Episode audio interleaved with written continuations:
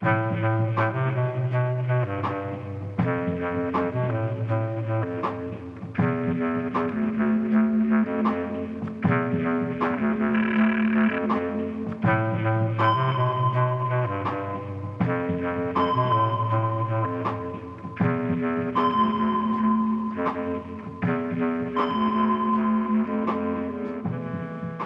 daginn ágæti hlustandi, við erum Tómas og Snorri.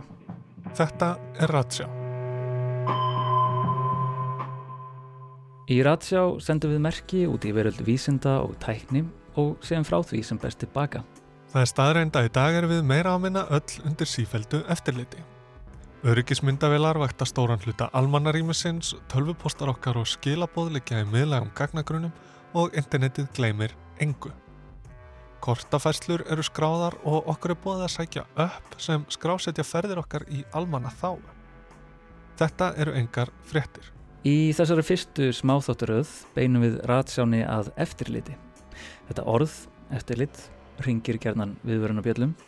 Við sjáum fyrir okkur vökult auga stórabróður, njósnara, harðstjóra og einhvers konar lögreglu ríki, kannski. Já, eða einhverja óþarfa vænisíki álpappirsata nöttara á YouTube eða amatör hakkara sem heldur hann sé ósýnilegur á netinu. En þetta er ekki svona ykt og þetta er ekki svona einfalt. Því mikið af þeirri tækni sem við notum dagstælega byggjar að því sem gæti flokkast sem eftirlit. Sapna upplýsingum um okkur og nota til að betrum bæta upplifun okkar á hverstasleikanum, auðveld okkur lífið, gera hlutina örugari, skilvirkari og þægilegri. Tilveran í eftirlitsamfélagi nútímans er á gráu svæði og í þessum þáttum ætlum við að reyna að skilja hvar við stöndum á þessu gráasvæði. Af hverju er fylst svona mikið með okkur, hvenar er það í lægi og hvenar er farið yfir strikið. Við byrjum á að skoða tvö frekar mögnuð og hendug fyrirbæri sem væru ómöguleg ef ekki væri fyrir eftirlit. Förum í bíltúr. Google Street View er dæmum tegund eftirlit sem nýtist okkur flestum frekar vel dag frá degi. Street View er í rauninni alveg magnaður valmöguleiki sem notandi kortafefs Google leitafilarinnar getur nýtt sér. Með því að draga lítinn gulan karl inn á nánast hvaða götu sem er á kortum Google fær notandin upp á skjáin 360 gráðu ljósmynd af staðnum og getur svona síndar hort í kringum sig gegnum tölvskjáin. Þannig getur notandi Google Street View tekið inn umhverfi borga og bæja, kennelítið þess og axtu skiliri án þess að ferðast beint til þessara staða. Upplýsingar sem einbyrjar línur á korti sína ekki. En í apríl árið 2010 byrtist grein á vefsið fréttamiðilsins Huffington Post sem bar þann undarlega titil Fólk í kafarabúningum eldir Google Street View bílinn með heigöflum og það er nákvæmlega það sem fréttin fjallar um. Þeirra bílinn sem tekur þessar 360 gráðu götumyndir fyrir Google kortaföfun kerði og myndaði götuna Rutgevæin í Björgvin í Noregi sáttu tveir norðmenn fyrir bílnum í kafarabúningum og byrjuðu síðan að elda bifriðina þegar hún kerði framhjá með heikaflum. Myndirnar frá atvikinu urðu um tímar hluti af kortaföfnum og eru nokkuð finnar en Huffington Post var ekki hlátur í huga í frétsinni aldeilis ekki. Fyrsta setning fréttarinnar gefur tónin með því að minnast á aukið vantraust Evrópubúa til markmjöluna reysan sem Google er. Sá tón magnast síðan upp í fréttinu og verður eins konar tólkunar leikill fyrir atvikið. Það er að segja að þessi einkennilegi gjörningur kafarana með heikaflana hliti að tengjast þessu vaksandi vantrausti almennings á fyrirtækinu að kafararnir væri að vekja máls á brotum Google á friðhelgi yngalífsins með því að beina þessum götum myndafiljum sínum heldur nálagt okkar helgustu rýmum, heimilum okkar. En raunin á bakvið fréttina var að vísu allt önnur. Tveimur mánuðum setna þurfti Huffington Post að leiðrætta sig.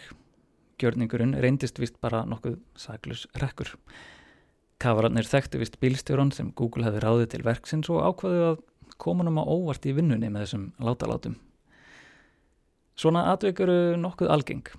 Götumindir Google hafa skjálfest ótal atvik, sum uppsett, önnur óvænt, eins og geimfara á víðavangi, tebóð í vegkanti, skrúðgöngur, brennandi hús, giftingar og jarðafarir. Og Íslandi má að segja að finna eitt slíkt atvik. Reyndar ekki hjá upplýsingavitu Google, heldur í gegnum gödumundir já.is. Ég hérna, tók mig til að ákvæða stríða þér seinum vinnum mínum og sagði um að koma út í dyr hjá sér en það var hann í náttslopp og bjóð hjá fólður sínum þannig að einhver flettur upp heimilisfanginu hjá þeim og þá kemur sonur þeirra í náttslopp. Þetta er Snæbjörn Valur Liljandal, tölvunafræðingur en árið 2017 og 2019 kerði hann já 360 gráðu bílinn um landið. Svona mín, mín, mín skilningur á því hvað já 360 er, þá er þetta, þá er þetta bara verkefni, eitthvað upplýsingaverkefni til þess að veita bara mynda sín á landinu. Ég ætti byrjuð 2013 með svona korta, korta kerfi eitthvað.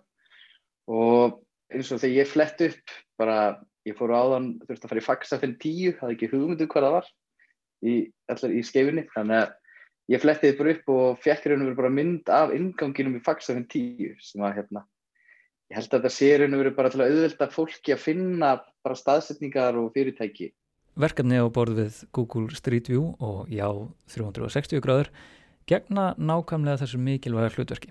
Þau hjálpa okkur nótendum að sjá fyrir okkur ferðalög á kunnuga jamt sem ókunnuga staði og veita okkur mun meira sjálfsöryggi á ferð okkar þangað. Þetta lætur okkur líða eins og við þekkjum ókunnuga svæðið. Svona nokkun veginn allavega. En hvernig er svona upplýsingum safnað? Sko, uh, minn hluti verkefninu var náttúrulega að, að keira bílinn og, og sjá það um myndatökuna uh, í því ferli. Uh, Jákundurins var búin að hanna raun og veru allan hugbúnaðan og allt sem það þurfti til. Svo þurfti náttúrulega bara að keira þetta og sjá til þess allt hérna virkaði og, og það var, það var mitt hlutverk. Svona típiskur vinnudagur kannski í bænum. Þá sóttum við bara bílinn yfir í Jákundurins Uh, þá byrjaði maður á því að fara út með alla búnaðinn, festan upp á, á þak á bílnum. Þá var maður að skella loftniti og GPS-i og alls svona dóti á stað. Uh, svo raun og veru þá var maður kannski með svona pínu fyrirfram ákveðin svæði sem maður uh, tók. Svona, já, við vorum að keira, þú veist, það er ekki að keira þegar sólinn er of látt þannig að glukkin í kringu svona 10 til 6 11 til 6 kannski hann er svona, hann er svona kjur vinnutímin svo er það bara maður er að keira þetta og bara slappa af og lusta podcast og, og hérna njóta þess að upplifa uh, nýja staði á hugborgarsvæðinu eða hvað sem er það sem það hefur ekki komið áður.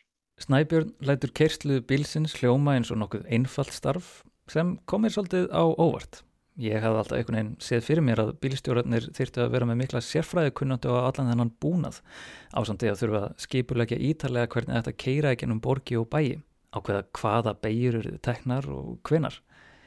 En já.is hafði séð fyrir öllu. Þeir náðu að gera þetta rosalega skemmtlegt af því að uh, hefur þið spilað Pac-Man. Já. Þú hefur séð svona hvernig kúlurnar eru á, í Pac-Man og Pac-Man á að geta kúlurnar þetta.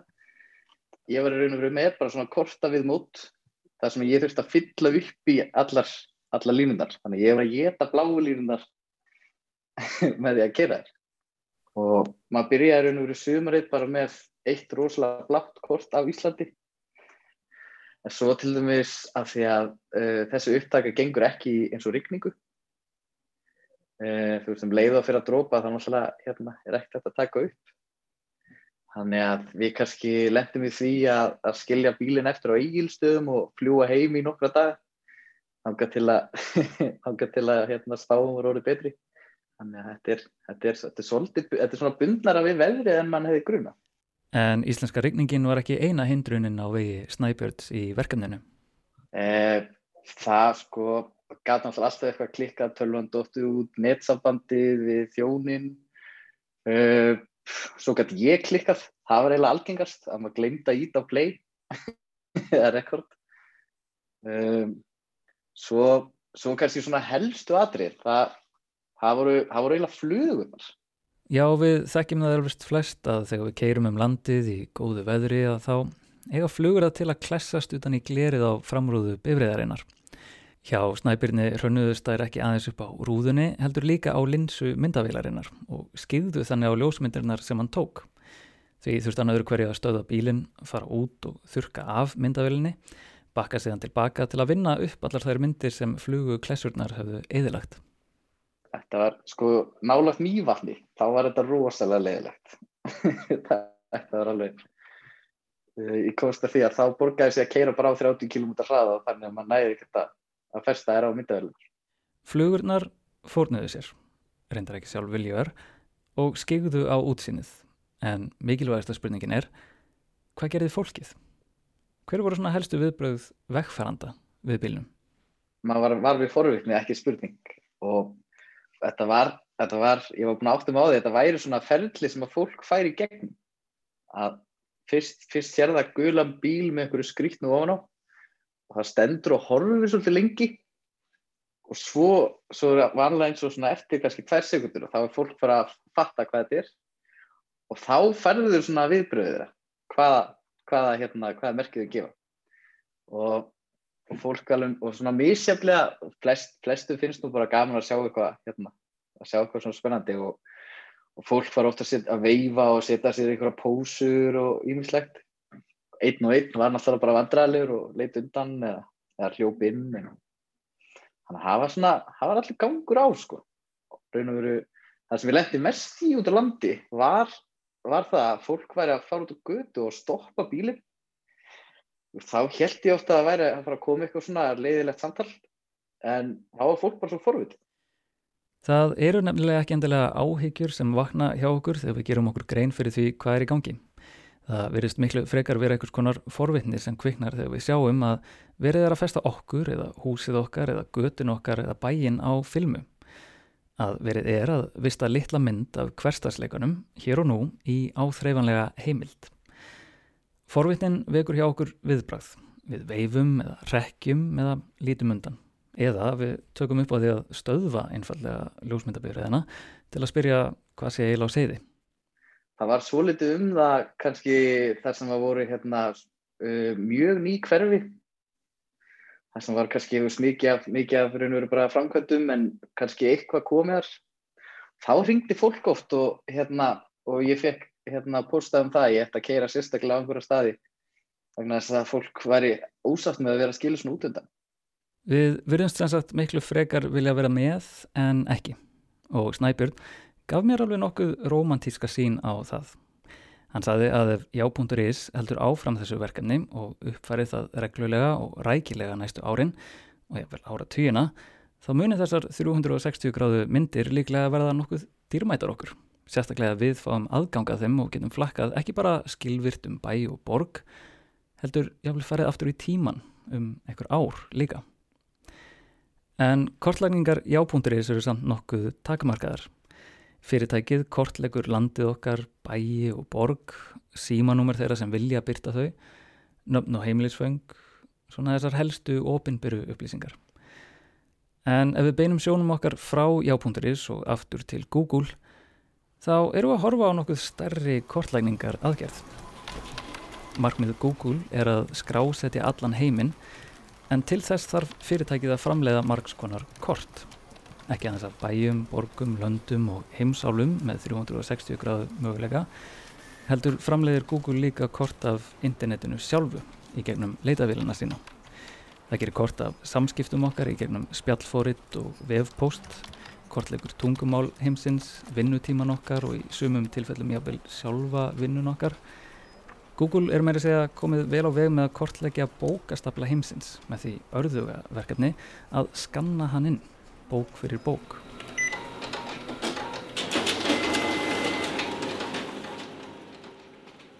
Og að sjálfsögðu er Google að kortleggja manneskjur heimsins. Mig, þig, okkur öll, okkar ytri tilveru og beinberu upplýsingarnar en líka okkar innri tilveru. Einfallega með því að fylgjast með nótkun okkar á leitavilsinni eða í kortavefnum eða í vefpostinum eða í vafránum og svo framvegs Google fylgist með okkur á netinu. En árið 2010 kom í ljós að Google hafði nýtt sér Street View bílinn til þess að sækja sér persónlegar upplýsingar fólks, ekki bara á netið, heldur út í umferðina.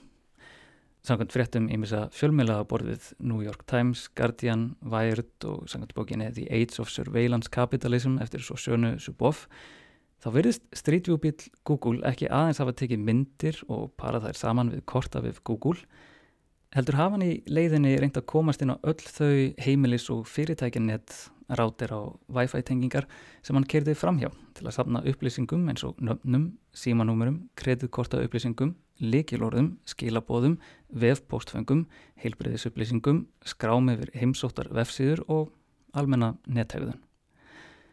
Þannig skapaði Street View ekki aðeins gott og þægilegt eftirlits viðmót til að ebla sjálfsöryggi notenda sinna í ferðum sínum á kunnuga og ókunnuga staði, heldur hefði þetta geta skapað Google einstaklega nærgöngult og óþægilegt eftirlits umhverfi inn í líf okkar allra. En Google var hins vegar sótt til saga fyrir þennan gjörning og gert að söka að hafa brotið gegn persónumvendalögum í misa landa og játaði fyrirtækið að hafa gert meistök og sagðist ekki alltaf nota gögnin sem Street View bílinn sapnaði. Það er því góð og gild ástæða fyrir því að fréttamiðlar á borðið Huffington Post hafi tólkað hérna ímsu rekki sem Street View bílarnir urði fyrir sem pólitíska gjörninga ætlaði vekja máls á fríðhelgi engalífsins eins og þennan fárunlega rekk sem ég sagði frá í byrjun þar sem að kafaraklættir rekkjalómar með heikafla eldu strítjúbilinn við guttuna Rudgevægin í Björgvin í Noregi. En í loftinu hangir samt spurningin. Hvað verður eiginlega til þess að netfyrirtæki fari í svona langsótt ferðalag á vegumúti til að sækja upplýsingar um okkur? Það er nokkuð flókin og marglaga spurning og til að svara henni er öruglega best að byrja á því að fá tilfinningu fyrir gagnvirkni internetsins. Spólum aðeins tilbaka, jável alveg til þess tíma sem vídeospólur voru enni í tískum. Og byrjum þar á byrjuninni.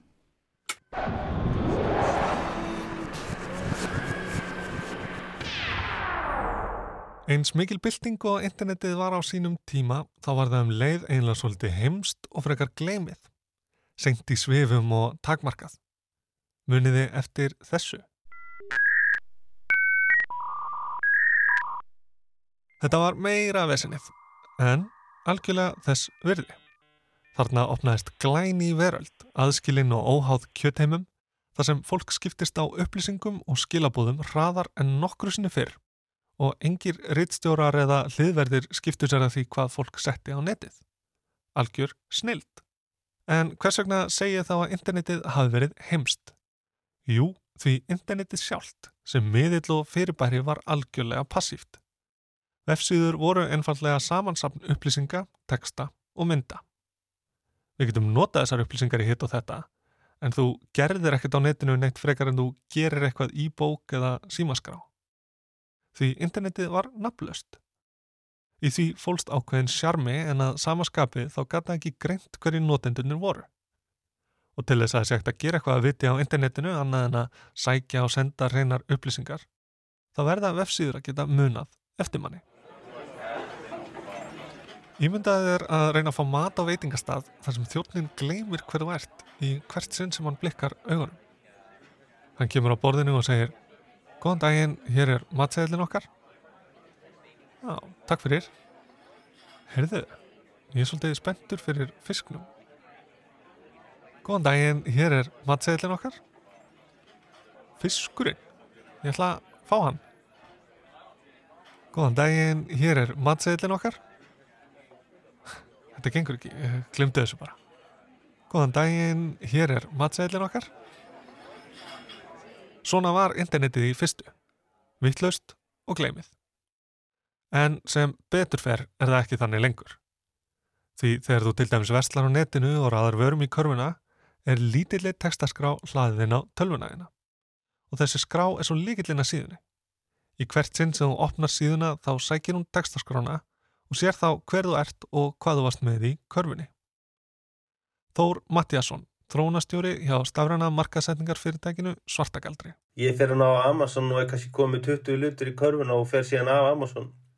Veist, ég, ég er mjög ánæðið því ég kem aftur um síðan og það er allir, þessu lutin að þau körfin ég menna sem að þessar köku byrjuðu í rauninni á það var forriðir Netscape sem að komið þarna, er rauninni fann upp afræðkökuna eða, eða gerða hana mainstream. Og fyrirtækina þeim tíma voru að, að geima allar þessu upplýsingar á sínum serverum.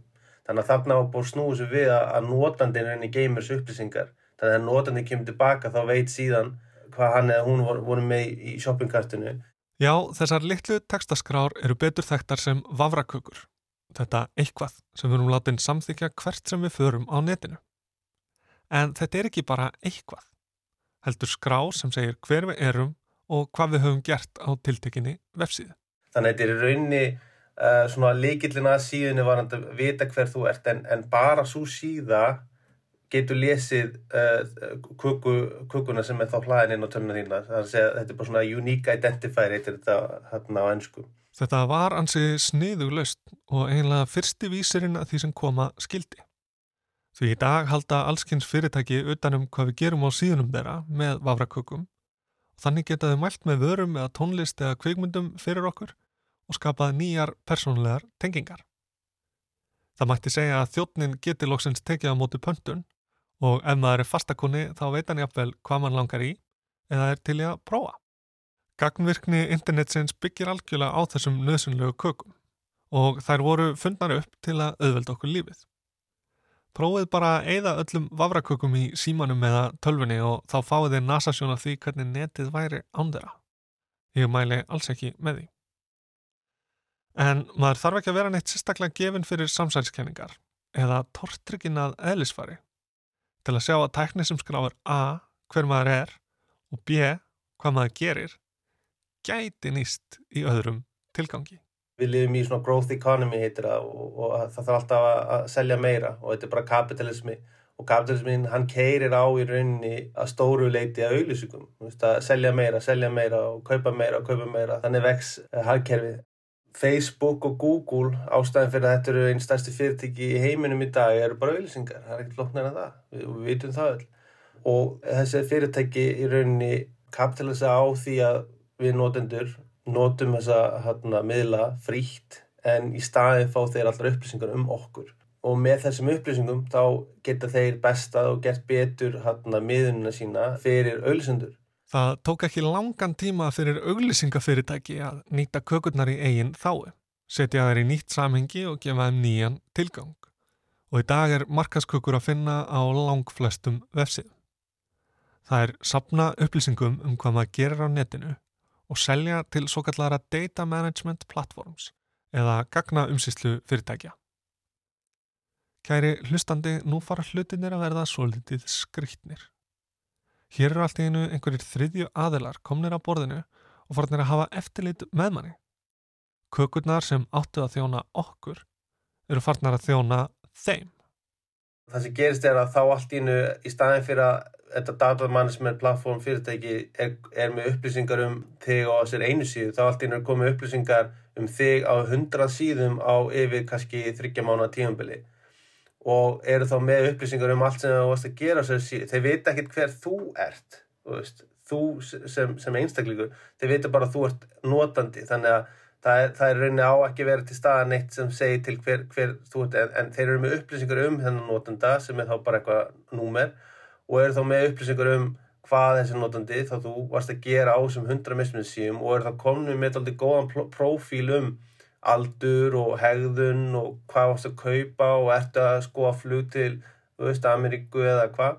Ímyndum okkur að flugfélag bjóð upp á ódýrt flug til Ameríku og kaupi auglýsingu í fríblæði sem nær til 100.000 lesenda.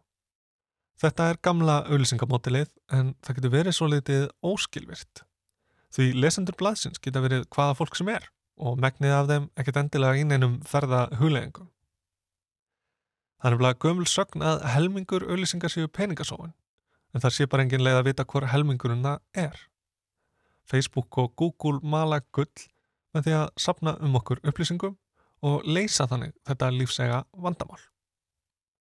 Því ef flugfélagið ákveður að auðlýsa á netinu og nýta sér þessa markaðsköku profíla, þá getur það svo gott sem tryggt að það er 100.000 byrtingar sem það er til í að kaupa endi á skjánum fyrir framann 100.000 manns sem eru líklegir til að skella sér í Ameríkuferð.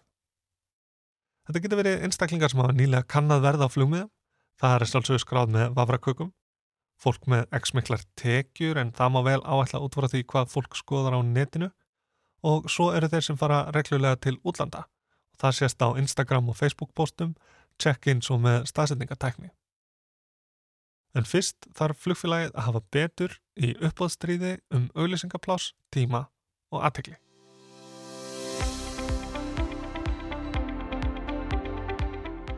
Þetta virkar nokkur meginn svona. Í gegnum eftirspurnar aðila sendir flugfélagið út eftirfarandi tilkynningu. Ég vil ná til einstakling sem er aldrei um 25-35 og uh, hefur áhuga að ferðast til Ameríku uh, og ég er tilbúin að borga svona mikið pening til þess að ná til þessa mannesku með mínum ölliska borða. Fyrirtæki sem selur auðlýsingaplás tekur á móti þessari beðni og af því að þeir hafa fengið upplýsingar um sína notendur sem byggja á hundruðum vafrakaka geta þeir sett á stað ferli. sem að finnur þá notanda sem er á síðu uh, og segir ég er hérna með hennan einstakling sem að hérna, fittar hennan profil en á sama tíma eru kannski fimm önnur fyrirtæki sem er að segja við erum líka tilbúin að vera með borða fyrir saman hennan einstakling en þau eru bara tilbúin að borga miklu minna fyrir að, að byrtast fyrir saman því þannig að þetta fyrirtæki síðan endi byrjun það, það vinnur þetta uppbóð og fær þá að byrta borðan fyrir framann þig þegar þú ert þessu síðu sem þú kannski bara tekur ekki svona eftir.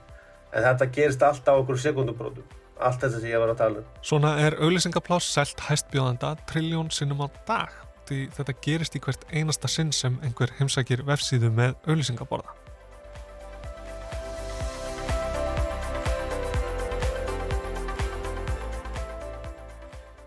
Það er ekkert sjálfsagt mála að fyrirtæki geti sapnað öllum þessum upplýsingum og selt hingað og þangað. Upplýsingaverndar lögjöf Evrópusambandsins GDPR leifir til dæmis ekki markaskökur nema notandin beinlinis samþykkið þær. En lögjöfinni er misvel fyllt eftir og kökuborðarnir geta verið ruglinslegir og erfitt að átta sig á hvaða kökur maður leifir í það og það skiptið. Og svo eru risar eins og Facebook og Google sem leita sér felt nýra leiða til að sækja gögnin sem þeirra viðskiptamódel byggist á. Einn þeirra er að koma agnarsmáum ósýnilegum myndaskrám fyrir á vefsíðum sem tengjast þessum risum ekkert beint. Þetta eru svo kallar pixlar eða tökk og virka eins og skannar sem nema hvar við stígum fæti niður á netinu. Því þegar maður fer á netið þá þarf tölvan að sækja vefsíðuna til að byrta hana á skjánum. Hún hleður inn textanum, útlitinu á síðunni, hlekkjum á aðrar vefsíður og svo framvegis og raðar þessu snirtilega á skjáin hjá þér. en á sama tíma þá hliður líka myndum og ein mynd er í rauninni pixel sem að er frá fyrirtækinu eins og Facebook Einn pixel er einn dýl á tölvuskjánum. Minnsta mögulega eining þess sem hægt er að byrta. Eitt sandkorn í stundarklassi sem opnar lífmanns á netinu upp á gátt. þegar hann hlæðist þá veit Facebook ok, hann Jón hérna er inn á síðunni út af því að, að hérna, þeir hlóðu pixlunum inn á, inn á Jón Facebook pixla má finna á yfir 5 miljón vefsíðum á netinu og þar á meðal eru margar mest sóttu síður heims eins og The Guardian, Huffington Post, SoundCloud og Spotify. Þá eru ótalinn tökkin frá Google og puntarnir frá Yahoo sem einnig hafa augu með okkur. Og síðurnar leifa þetta vegna þess að þær fá hluteld í gögnunum sem það geta nýtt í eigin þáu. Þessar þjónustur og veitur sem við notum eins og Facebook og Google Maps eru bara agnið sem er dánlað fyrir framann okkur, annars vegar til að sína okkur auðlýsingar og hins vegar til að sapna upplýsingum til að byrta enn betri auðlýsingar. Ágæti hlustandi þetta er bara stuttur útastáttur en fyrir þá sem vilja fræðast meira um gagnahagkerfið og auðlýsingakapitalisma þá bendum við á bókina The Age of Surveillance Capitalism eftir Sjosjónu Súbov.